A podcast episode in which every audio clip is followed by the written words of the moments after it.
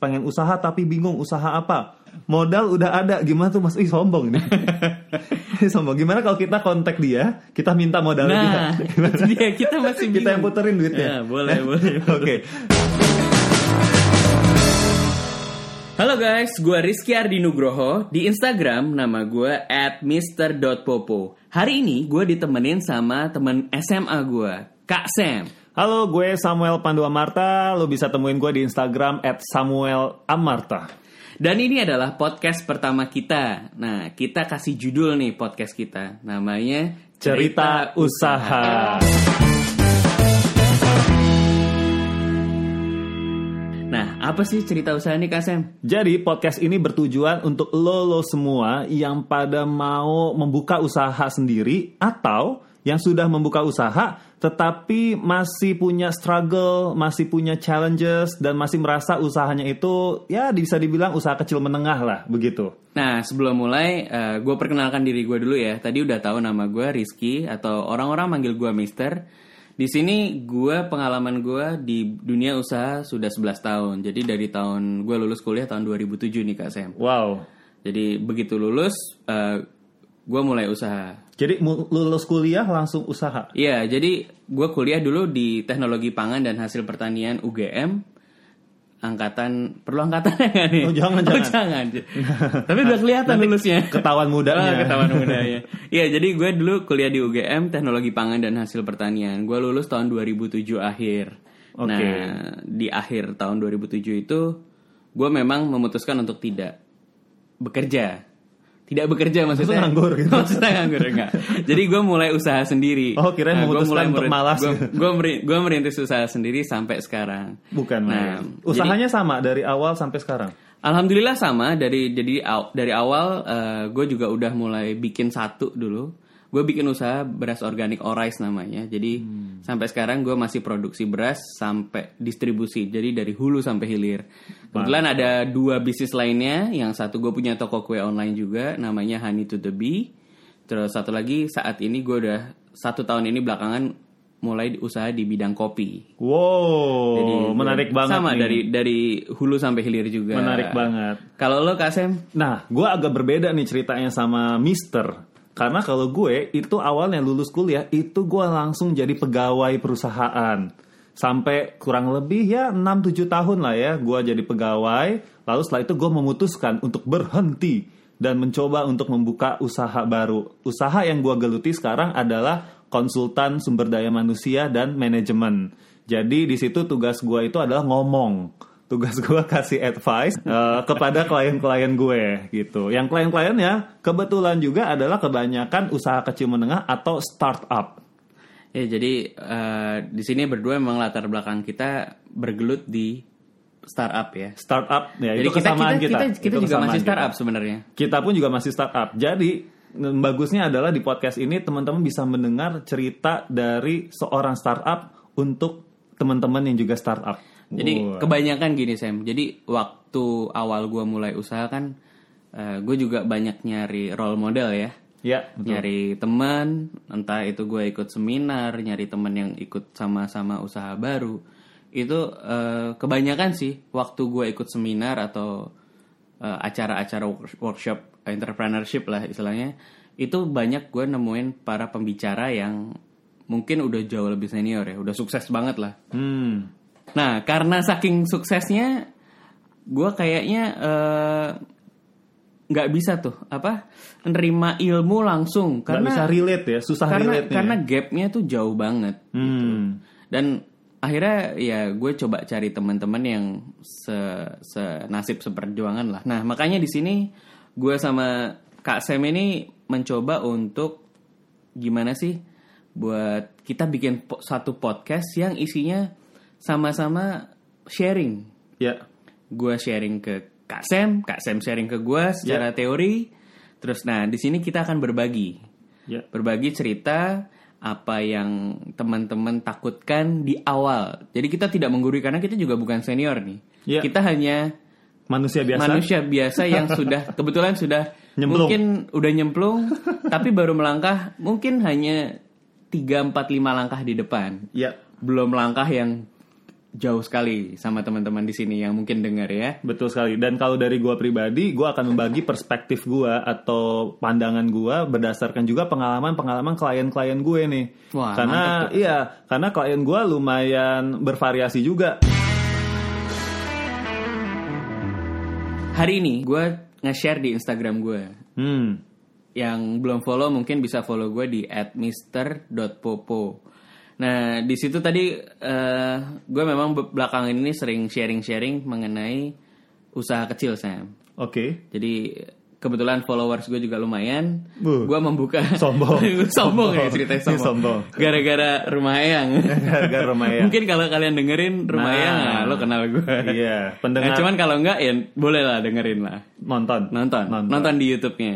Oke. Oke, jadi gue sempat sharing mengenai usaha kecil nih. Gue melemparkan pertanyaan nih. Oh, oke. Kira ya pertanyaan sih seputaran bagaimana teman-teman eh, memulai usaha di, di di di tahap awal gitu. Mm-mm. Tapi gini sih, nggak mungkin bisa kita jawab semua di podcast ini, bener ya? Oke. Ha. Jadi kita mau membatasi yang podcast sekarang, kita membatasi pertanyaannya yang seputar memulai usaha.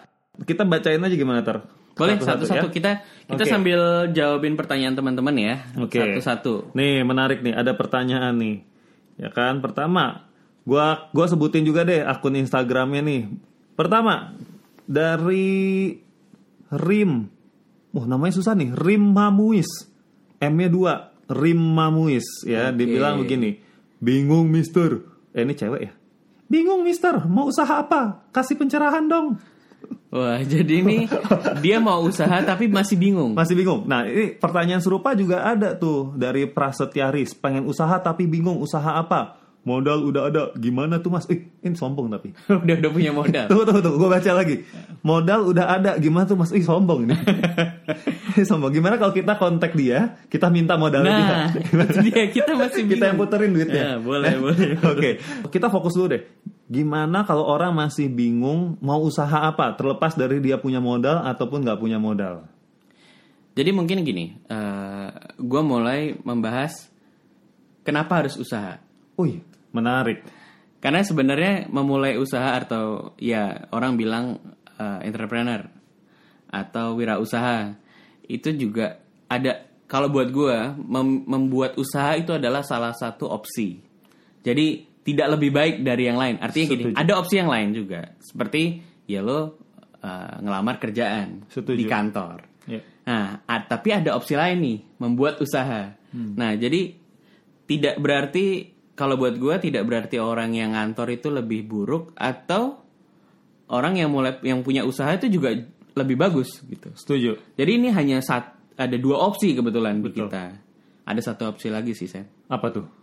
Nganggur Oh iya benar juga. tapi punya duit. Iya, iya. Nah, itu opsi yang tunggu, tunggu. itu opsi keren. Kalau jadi atlet tuh opsi apa tuh? itu juga bisa. Bisa juga. Mumpung masih suasana Asian Games Asian 2018. Gue sharing dari case-nya gue gitu ya.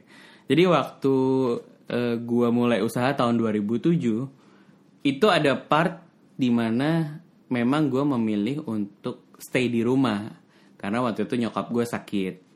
Jadi gue pengen banget bisa punya kerjaan di rumah. Gue ngontrol di rumah, ngontrol artinya gue punya usaha yang gue kerjakan dari rumah sambil gue merawat nyokap gue. Nah di situ gue punya motivasi. Terus kemudian kan orang banyak nanya sih, kira-kira eh, idenya apa ya? Ya. Orang pengen punya usaha tapi belum punya ide. Gitu. Setuju. Idenya cuman saya pengen punya usaha. Terus apa gitu? Nah pada saat itu kan gue juga mikir ya banyak berpikir terus gue banyak jalan-jalan keluar rumah gue mau usaha apa ya nah kebetulan kalau gue emang sengaja gue relatekan dengan eh, jurusan gue kuliah Oke. kebetulan gue dulu kuliah di teknologi pangan dan hasil pertanian. Itu pengolahan ya. Jadi bisa jadi kuliner bisa jadi produk olahan. Nah waktu itu gue emang jalan-jalan. Gue hobi gue jalan-jalan jalan jalan kaki. Kalau nggak naik sepeda sambil gue lihat kanan kiri gue Sam. Gue lihat kanan kiri wah ada tukang waktu awal tuh ada tukang bubur. Oh, Oke. oke gue putuskan hari itu gue mau jualan bubur. Bukan main. Yang gue yang gue lakukan apa? Pada saat itu gue langsung datengin tukang bubur. Gue duduk di situ gue beli terus gue langsung ngobrol sama dia. Bang bubur boleh nggak? Ih, namanya bagus ya. bang bubur boleh nggak gue jadi murid lo? Bu, Bang Buburnya shock dong. bang buburnya murid apa gitu? Gue mau belajar bikin bubur. Gue nggak mau saingan sama lo cuman gue mau belajar bikin bubur. Boleh nggak? Next day gue dari subuh gue belajar bikin bubur sama dia jadi gue diajarin sama dia beneran gue bantuin dia belanja Untung dia nggak curiga ya. Untung bro. dia nggak curiga, dia baik banget emang. Jadi gue belajar sampai bikin bubur. Cuman sambil gue proses belajar itu gue nyatet kan gue bikin eh, kayak business plan gitu ya. Jadi gue ya maksudnya gue gue pengen jadi tukang bubur yang sedikit berilmu. Wah. jadi jadi gue sambil nulis di kertas gitu, oh ini bisnis plannya gini gini gini gini. Sambil gue bikin bikin buburnya tuh, gue diajarin resepnya dikasih, wah baik banget lah. Sampai akhirnya gue bisa bikin bubur. Tapi setelah bisa, gue mah makin penasaran nih. Soalnya di sampingnya ada tukang mie ayam. Wih. Jadi tunggu, ini- tunggu, tunggu. Gue penasaran nih. Ini lu mau usaha apa lapar? Enggak, bukan bukan penasaran rasanya. Gue gue penasaran. Ini di jadi ini true story ya. Jadi gue di Majestic di kalau kalian tahu di Jakarta. di Jalan Bumi itu ya, di Jakarta, ya. dekat SMP 19 Jakarta. Itu di belakang ada tukang mie ayam Masno namanya. Nah, Abis ini mie ayamnya laku bener. Ah benar benar. Ini gue gue sangat salut sama dia. Kenapa? Karena dia itu jualan waktu itu gue sering nganterin adik gue sekolah di situ kan di SMP 19. Kebetulan adik gue dulu sekolah di sana. Jadi kalau gue nungguin dia sekolah, gue tuh makan di situ. Oh, Oke. Nah begitu lulus gue teringat sama dia dong. I see. Ah coba deh gue ke sana. Nah dia tuh unik karena mie ayam jarang buka pagi sampai sore. Nah ini dia udah buka dari jam 6 Sam. Wih. Jadi pagi banget dia udah buka sampai Jam 6 tuh dia jualan mie ayam, bukan jual, Iya, bukan jualan bubur. Enggak, enggak jualan bubur enggak. Jadi pagi-pagi dia udah buka sampai jam 3. Oke. Nah, singkat cerita gue tuh hobinya ngitik-ngitik orang sebenarnya. Waduh, Jadi semua ilmunya gue serap. gue kulik lah istilahnya gitu. Gue nanya sama dia, sehari jualan berapa porsi sih? Dan you know what Sam? Dia jualan sehari sampai 500 porsi. Gila. Itu cuci piringnya susah juga ya, Bro. Ya lo bayangin aja. Iya eh, hitungan kasar ya kalau kalau kalian mulai bisnis harusnya kan mulai mulai sering berhitung ya Sam. sepakat, sepakat. Jadi eh, dia jual mungkin pada saat berapa tahun lalu? 11 tahun lalu dia jual mie ayam itu 10.000 ribu mungkin. I see. Oke. Hitungannya let's say sehari dia jual emang dia bilang ke gue sehari 500 porsi. Modalnya 5.000 ribu. Hmm. Lo bayangin nggak berapa untungnya? Yo, kita hitung sama-sama ya. 5000 dikali 500. Nah, gila kan? Gila ya, satu hari loh. Satu hari dia jual cuman lima hari karena Sabtu Minggu libur. Oke. Tapi tetap aja Oh, karena gila. di sekolah ya, Iya, ya. ini kan dia jual di belakang sekolah. iya. Jadi kan gila banget ya. Seorang penjual mie ayam penghasilannya segitu. Iya. Atau lo gue juga per- akhirnya gara-gara saking saking apa semangatnya gue lihat pedagang-pedagang itu, gue setiap pedagang gue interogasi. Ini bahaya juga sih Sam. Gue interogasi lagi namanya Mas Slamet. Wih, Tukang sate Padang di depan, SMU 70. Oke. You know what? Gue belajar sate Padang sama dia juga. Bukan main. Dan yang paling takjub juga sama hitungan bisnisnya ngeri. Hmm. Jadi pedagang-pedagang pinggir jalan itu jangan lo underestimate. Oke. gitu. Wah gila banget. Nah, nah dari situ gue muncul banyak ide gitu. Oke. Ini ini gue gue cerita sebagai gimana sih teman-teman yang mau mulai usaha itu banyak yang nanya mau bisnis apa. Iya. Oke, jadi kalau bisa gua simpulkan nih salah satu yang paling gampang adalah lihat sekitar. Iya, itu yang gue lakuin ya. Ya, Jadi yang yang dilakukan adalah lihat sekitar dan coba belajar juga dari Nah, sekitar. gue belajar, gue Iya. belajar. Bahkan mereka mau nunjukin dapurnya mereka.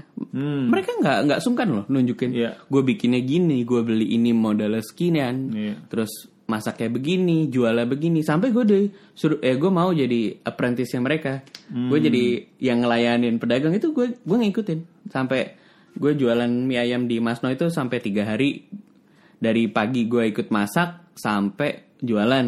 Jadi gue tahu bikinnya. Hmm. Sampai di rumah gue trial. Penting sampai akhirnya, tuh. sampai akhirnya gue bisa. Tapi in the end emang gue belum mutusin sih. Saking banyaknya gue apa eh, bis, eh, Belajar. calon bisnis ya. Iya. Ini kan ini menurut gue nih calon bisnis. Jadi gue banyak belajar sama orang-orang yang jualan di di pinggiran gitu ya. Tapi gue gue gue pikirin lagi, apakah gue mau bisnis itu? Yes. Nah sambil jalan sambil jalan, memang pada saat itu nyokap gue sakit kanker. Oke. Terus gue eh, nyokap gue pada saat itu perlu makanan organik. Hmm. Nah tahun 2007 makanan organik itu luar biasa gila mahalnya. Oke. bisa tiga kali lipat daripada harga makanan non organik. Nah, nah, itu jadi ide buat gue juga. Ya singkat cerita, nggak lama setelah itu gue mengeksekusi bisnis. Gue mau bisnis produksi makanan organik yang murah. Ya. Akhirnya singkat cerita lagi, gue mulai usaha beras organik itu. Oke, menarik Kalau menurut lo gimana Sam dari eh, lo membaca peta klien lo nih? Oke. Kebanyakan mereka cerita nggak sih eh, awal mula mereka usaha, Ya. bagaimana mereka mencari eh, ide itu dari mana sih Ya, sebenarnya? Menarik banget. Eh, apa yang diceritain Mister itu sesuai banget sama apa yang gue percaya sih. Dengan teori yang gue percaya juga, dengan buku yang gue baca juga gitu. Dan ini yang gue terapin juga ke klien-klien dan klien juga pun menerapkannya bahkan kadang-kadang sebelum gue mengatakannya gitu. Jadi ada satu buku nih teman-teman yang teman-teman harus baca menurut gue.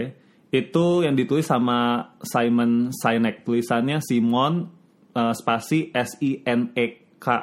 Itu penulisnya. Judul bukunya simpel banget yaitu Start with Why. Pertanyaan. Iya, jadi mulailah dengan berta- bertanya mengapa. Seperti yang tadi Mister bilang, kenapa saya harus mulai usaha? Nah, ternyata setelah Mister menjalankan em, journey-nya sendiri, lalu dia mulai mendapatkan why-nya kan. Dia mulai mendapatkan why-nya. Kalau dalam kasus Mister ini bisa dibilang why-nya adalah kenapa saya mau usaha supaya saya bisa provide, saya bisa menyediakan makanan yang sehat. Dalam hal ini makanan organik. Gitu ya, Ter ya? Iya, iya. Nah, ini inilah yang akan jadi ide dan gak hanya sekedar ide, tetapi inilah yang akan menjaga api atau semangat kita dalam berusaha. Karena kita tahu betul kenapa kita mau mulai usaha ini.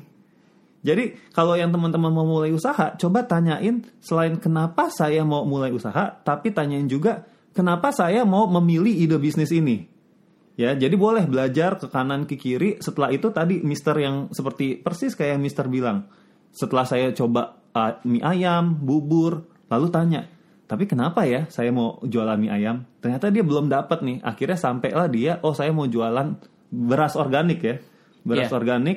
Jadi eh, gue itu mau bikin beras organik, kan itu makanan pokok ya. Ya, Yang gue bilang pada saat itu mahal banget. Hmm. Gue pengen bisa produksi beras organik yang murah. Nah supaya supaya nyokap gua bisa beli itu murah. Temen-temen, nah. Pada saat itu Bener, pikiran-pikiran awal gua gitu. Betul ya. banget teman. Jadi teman-teman nggak perlu mulai usaha, mulai cari ide tuh yang spektakuler gitu ya. Lihat aja masalah apa. Nah ini tipsnya gini. Masalah apa yang ada di sekitar kita yang kita pengen banget uh, selesaikan. Yang kalau kalau gue bilang satu lagi tambahannya. Boleh. Yang sesuai sama bidang yang lo suka. Betul. Jadi kebetulan gua kan teknologi pangan dan hasil pertanian. Betul. Nah, gua nemuin masalah ada produk pertanian di kita yang kok mahal banget sih. Betul. Nah, pada saat itu emang gue belum bisa produksi ya. Jadi gue mencari source di mana sih eh, ada yang produksi pertanian organik padi ya, terutama beras organik itu yang murah di mana. Nah, itu gue ngulik banget Sam. Iya. ya. Sampai akhirnya pada waktu itu gue ketemu di Brebes. Hmm. Itu dari rekomendasi temen bokap. Nah kebetulan eh, di eh, PPL penyuluh lapang pertanian di Brebes itu sudah menerapkan pertanian organik.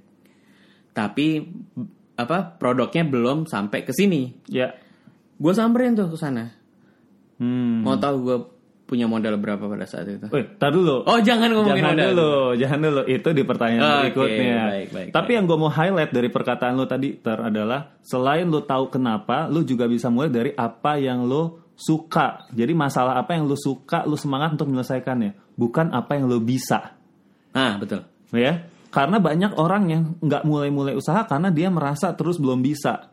Nah, salah satu postingan Instagram gue itu selalu bilang, gue pernah ngingetin bahwa mulai aja dulu. Karena saat kita mulai lama-lama kita pun juga mau nggak mau harus jadi bisa kan gitu ya? Iya. dibanding kita nunggu kita ready maka kita nggak akan mulai-mulai.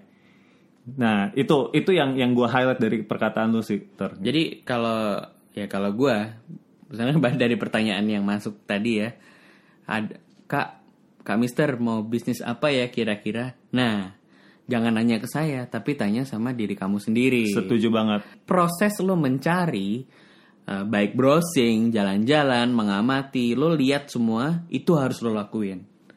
Jadi sampai ada satu titik di mana pasti hati lo nentuin sih. setuju Kalau gue gitu dulu. Ya. Jadi sampai akhirnya gue tahu, oke, gue mulai yang ini. Ya. Nah, baru itu gue melakukan langkah pertama. Setuju banget. Kalau gue share dari pengalaman pribadi gue, kenapa gue akhirnya mulai memutuskan untuk masuk uh, membuka usaha ke bidang konsultan sumber daya manusia dan juga manajemen, itu simple banget sih teman-teman. Waktu itu, um, waktu gue masih kerja di perusahaan, itu gue berpikir begini, gue pengen banget deh kasih impact dengan ilmu gue, kasih dampak ke ilmu gue untuk mengembangkan organisasi dan menge- dan mengembangkan orang-orang yang di dalamnya. Lalu gue mulai berpikir kalau gue kerja di satu perusahaan, berarti yang gue kembangin itu kan cuma perusahaan itu ya. Organisasinya cuma satu, orang-orangnya ya cuma orang yang kerja di perusahaan itu. Lalu gue mulai nggak puas nih. Enggak ah, gue pengen ngerasa, eh, pengen kasih impact ke lebih banyak organisasi, ke lebih banyak orang. Dan ternyata perusahaan yang sedang, eh, yang gue bekerja di dalam itu tidak bisa mengakomodasi itu. Sehingga gue memutuskan untuk ya udah deh gue buat aja sendiri yaitu konsultan sumber daya manusia. Apakah saat itu gue udah keren banget? Apa saat itu gue udah tahu semua ilmu? Belum. Tetapi ketika gue tes ke temen gue yang punya usaha, gue tes nih, eh lo hire gue deh sebagai konsultan. Lalu gue mulai kasih ilmu-ilmu gue, eh ternyata dia puas. Nah di situ juga menambah kepedean Kepedean. kepedean. Maksudnya menambah percaya diri gua. Oh ya udah nih kayaknya ini cukup tetapi ketika gua terjun gua harus terus belajar. Itu komitmen gua. Cukup itu artinya mungkin cukup untuk melangkahkan langkah pertama. Pertama. betul. Ka- makanya yang gua tekenin adalah setelah langkah pertama gua komit untuk terus belajar setelah itu. Karena tantangan ke depannya pasti akan lebih besar lagi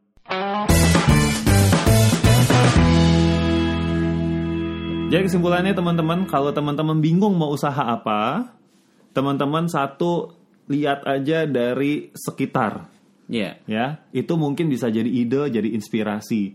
Kedua, tanyakan ke diri teman-teman apa masalah yang menarik buat teman-teman supaya teman-teman bisa menjadi solusinya. Hmm. Yang ketiga adalah teman-teman lihat apa sih teman yang teman-teman suka dan mul dan ya bisa dibilang bisa lah, bisa tapi bukan berarti udah master gitu ya. Yang penting ya saya ada modalnya. Modalnya bukan uang tetapi modalnya adalah ketertarikan dan juga modal skill dasar lah. Yang keempat barulah ngelihat kira-kira ini bisnisnya bakal jalan atau enggak. Lihat peta persaingannya. Tapi untuk tahu itu semua kuncinya apa ter? Mulai aja sekarang. Lo tentuin lo mau ngapain, lo pelajarin mati-matian, tapi jangan lupa jangan belajar doang, jangan planning doang. Ya. Langsung jalanin langkah kaki kan, lang- langkah kaki lo tuh lo jalanin. Ya, Bismillah deh. Bismillah, mulai. betul. Begitu mulai, lo akan bisa tahu next stepnya apa. Apakah belok kanan atau belok kiri? Kalau mentok ya belok kanan atau belok kiri, atau mungkin balik badan. Ya, nggak masalah. Kan itu nggak ada masalah semuanya. Tapi lo udah pernah ngelakuin itu, tidak ada andai-andai. Setuju. itu mungkin di podcast pertama kita sharing dari pertanyaan teman-teman tadi yang banyak ya. Udah. Sebenarnya masih banyak banget pertanyaannya, ada ratusan ya. Ya. Tapi kita mungkin bersambung aja di podcast kita selanjutnya. yang berikutnya. Dan jangan lupa juga ter, kita pengen dapat feedback juga ya, karena kita Oh, iya. ingin belajar. Ini makanya gue bilang, ini tadi hari ini gue baru ngobrol sama si Sam ini, Kak Sam, ngomongin Jam berapa? Sekitar 5 jam yang lalu ya. Jam 4 sore ya. Jam Jam 4 sore kan. Ah, terus gue bilang, Sam, gue punya banyak pertanyaan dari eh, teman-teman di Instagram gue nih. Gue mau jawab, tapi kalau gue ketik di Instastory, bakal susah jawabnya. Iya, betul. Terus akhirnya gue bilang, kalau gue jawab di YouTube, gue nggak siap bikin YouTube. Terus akhirnya gue pikir ada satu media yang menurut gue oke lah buat temen kita sharing ya. Ya ini podcast. Nah, nggak pakai pikir panjang. Ini dia yang gue bilang tadi. Kita sama-sama mulai nih. Mulai kita aja. ngomongin mulai usaha. Di sini kita juga mulai satu podcast Ini kita. contoh nih. Nih contoh nih, tanpa pikir panjang, pakai alat apa adanya. Kita udah punya semua, tidak ada modal, tidak ada apa. Langsung mulai, langsung take rekaman Jam 11 malam. jam 11 malam. Jadi ini podcast pertama kita. Berapa jam ber- berapa jam setelah ide berarti? 6 jam ya kurang lebih. 6 6 7 jam lah setelah ide. So kita butuh banget feedback dari teman-teman. ya. Bisa langsung mention ataupun DM. DM, ke gua at Di mana? at at Mr. Pop Mr.popo M I Z T E R dot popo atau di Atau Instagramnya di Kak Sam. Instagram gue boleh langsung ke DM kalau ada feedback di @samuel amarta A M A R T A. Oke ya, jadi sampai di sini dulu mungkin podcast pertama kita. Harapannya feedbacknya banyak. Kasih tahu aja kurangnya apa, jeleknya apa, Ya. terus Atau ya, kelamaan atau kelamaan atau terlalu sedikit. atau topiknya mau apa silakan nanti ada pertanyaan atau semua komen tolong dikirimkan ke kita itu Yes. aja ya mungkin itu aja Oke. dulu Sekian sampai dari jumpa di Cerita Usaha. usaha selanjutnya Selanjutnya. assalamualaikum warahmatullahi wabarakatuh Waalaikumsalam. Yay, we did it.